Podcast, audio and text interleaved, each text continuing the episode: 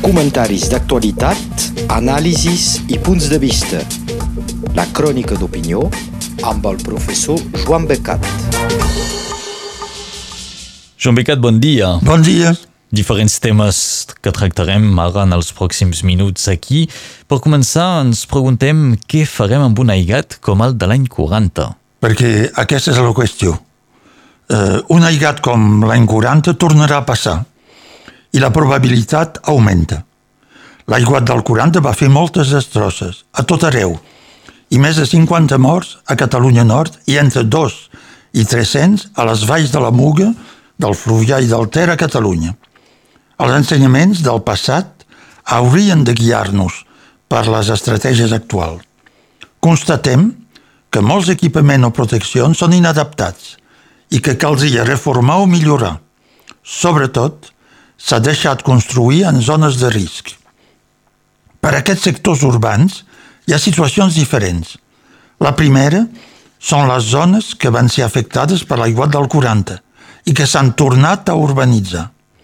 És el cas, per exemple, de la part baixa d'Arles eh, o encara els banys d'Arles, on l'aiguat va danyar les cases de baix del poble, ara protegides per un dic on s'ha posat la via vora del Tec, però sobretot el Tec va arrasar la riba esquerra, la petita Provença, que no era tan urbanitzada com ara. Se troba a la riba externa d'un meandre, sempre la més afectada per les riuades. És probable que les cases se protegiran les unes a les altres, però les primeres a l'inici, on el llit del Tec no és tan profund, sembla que el perill hi sigui sempre. Tot al llarg de la TET i del TEC no se pot retreure gaire als batlles i les autoritats estatals que hagin autoritzat construccions fetes abans del 1990. Us diré per què. Hi ha, eh, malgrat tot, batlles que han refusat de construir en la zona on havia passat l'aiguat, com a Baó, a Vilanova o Sant Esteve, o que no tenen cap urbanització a sota del poble vell, sinó per damunt. Però els altres no han tingut aquesta prudència. Ara bé, després de l'aiguat del 40, el Servei Estatal de les Aigues i Boscos, les OFOG, avui ONF, va comprar o expropiar tot el massís del Canigó. Van fer treballs de contenció, repoblat massivament d'arbres.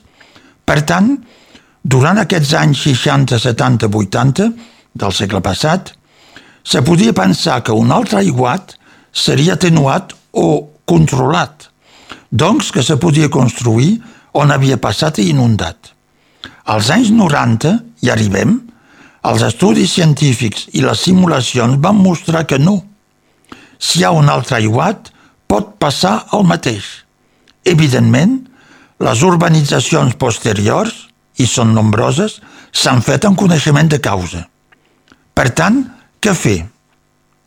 He fet moltes conferències sobre l'aiguat del 40, la última a Pras de Molló, i sempre insisteixi sobre les precaucions que s'haurien de prendre i sobre els llocs on tot indica que seran afectats, a muntanya com a tota la plana.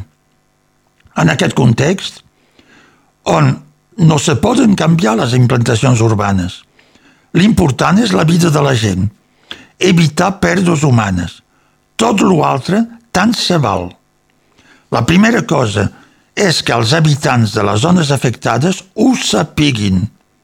Caldria aprofitar la celebració dels 80 anys de l'aiguat per sensibilitzar tothom. També caldria que les autoritats departamentals, els batlles i els bombers tingui la llista dels telèfons de tots aquests habitants per a poder en pocs minuts alertar la gent que se puguin preparar i que marxin. A cada municipi, aquests habitants haurien de saber què han de fer. Per això hi ha hagut mort al rere país de Nissa fa poc, perquè no sabien. Al gener del 2020, la, aquí, l'alerta per la tempesta ha mostrat a, a la Salanca que se podia alertar la població i evitar que les persones se trobin en perill. Evidentment, un aiguat com el del 40 seria molt més fort. Raó de més perquè la població sigui informada, preparada, reactiva. A la diferència de fa només 20 o 30 anys, ara la informació meteorològica, el seguiment del temps que fa, la, la progressió de les tempestes són precisos i ràpids, gairebé instantanis. Com que hi ha poc temps entre les pluges i la crescuda dels rius, menys d'una hora a muntanya i poques hores a la plana, les cal aprofitar i tenir-ho tot preparat. No és encara el cas, però és possible de fer-ho i no costaria gaire sous. Crec que és la inversió prioritària, com ho és també la informació individualitzada de la gent en zona de perill. I sobretot, quan arribi l'aiguat, que ningú no digui que és la fatalitat o que era imprevisible, com he sentit a dir per l'aiguat del rerepaís de Nissa. Doncs en parlem, evidentment, perquè es commemoren 80 anys d'aquest aigat del 40. Teníem el punt de vista avui de Joan Becat, amb qui canviarem de tema completament i anirem cap a Argentina, on es persegueix el franquisme. Sí. Fa unes setmanes us comentava la carta de suport al rei, Juan Carlos de Borbón, de diversos polítics espanyols i remarcava fins a quin punt eren impresentables els que portaven la iniciativa. Un d'ells era l'exministre franquista Rodolfo Martín Villa, que era perseguit amb altres franquistes per a crims durant la dictadura per una jutgessa argentina, Anna Messuti. Doncs, fa poc, va ser obligat d'anar a l'ambaixada d'Argentina a Madrid per ser interrogat per visioconferència per aquesta jutgessa. Va ser l'ocasió per quatre antics caps de govern espanyols de fer una carta de suport per demanar i exigir que se retirin els càrrecs contra ell. Sí, sí, ho heu sentit bé.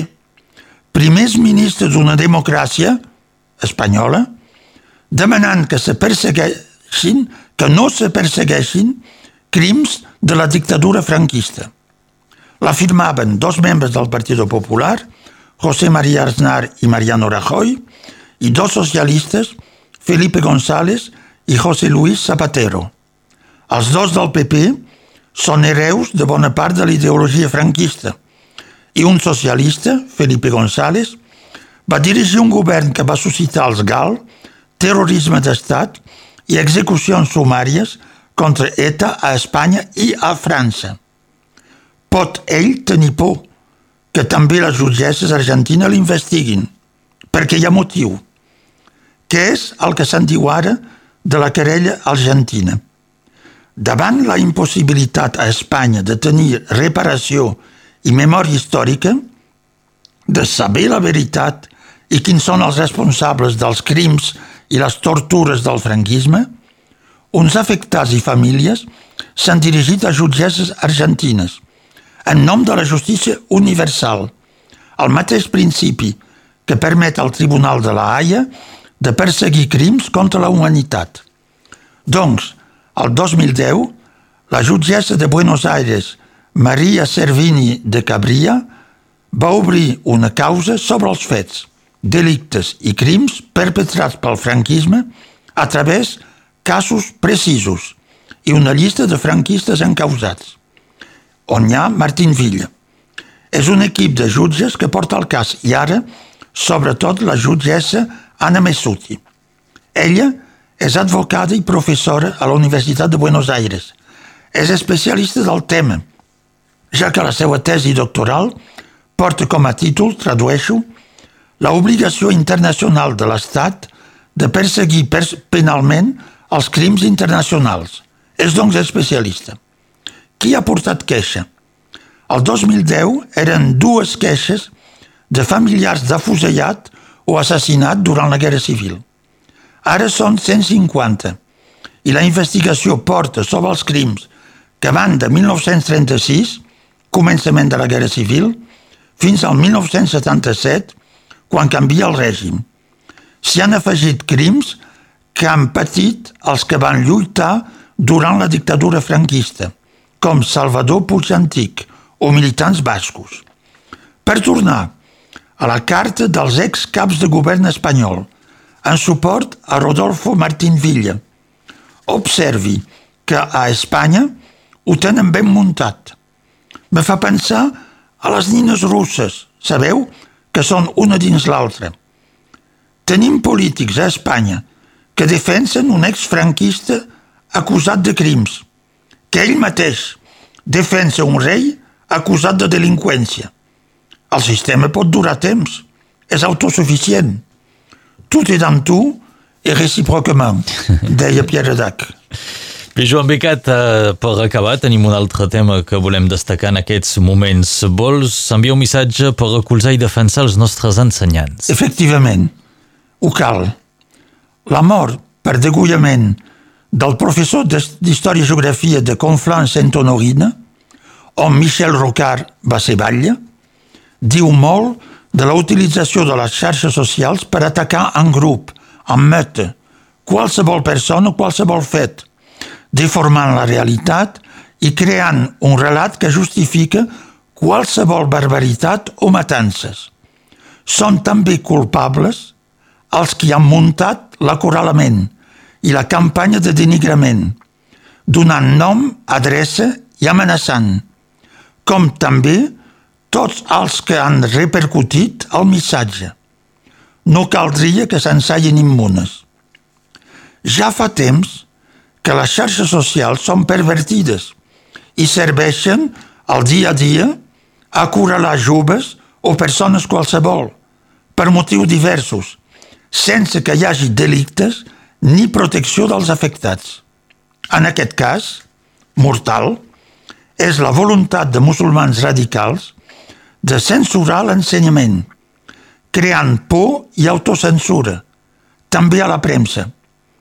En el fons, és la voluntat de transposar les normes socials de països teocràtics, és a dir, on mana la religió, als països democràtics i laics europeus.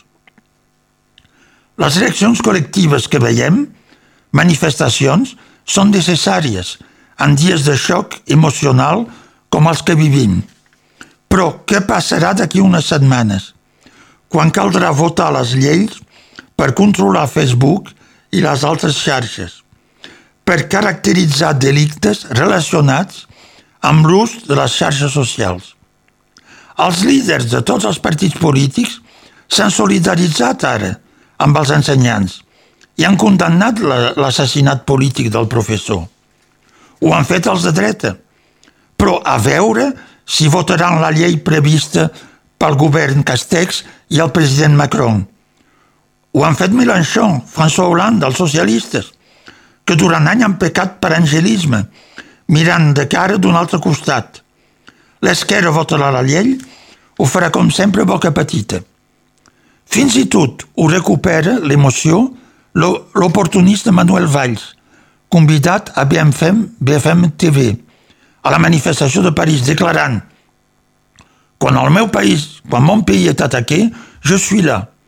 En dedueixo que Catalunya i Barcelona no són el seu país. Què és, doncs, per ells? Un país de babà on hi ha oportunitats? És cert que a Catalunya Manuel Valls no vol que s'investiguin responsabilitats sobre els entitats islamistes de 2017 a Barcelona. Amb què quedem, Manuel? A Barcelona no cal investigar i a París sí? O cal fer-ho a tot arreu? Me cansen tots aquests guinyols. Hem de recolzar i defensar de debò els mestres i professors que s'intenta terroritzar. He constatat sovint en la meva carrera que se troben sols davant de les seves classes i els pares d'alumnes, sense suport de la seva jerarquia, ni dels que ara estan manifestant. Ja he notat aquests dies que bastant periodistes eren prudents a l'hora de qualificar els islamistes radicals. Primer hi ha la paraula. Qui participa al terror alimenta el terrorisme. Però qui s'arronsa o gira la cara, l'encobreix i li dona via lliure. És hora, ara per tots, de ser valents.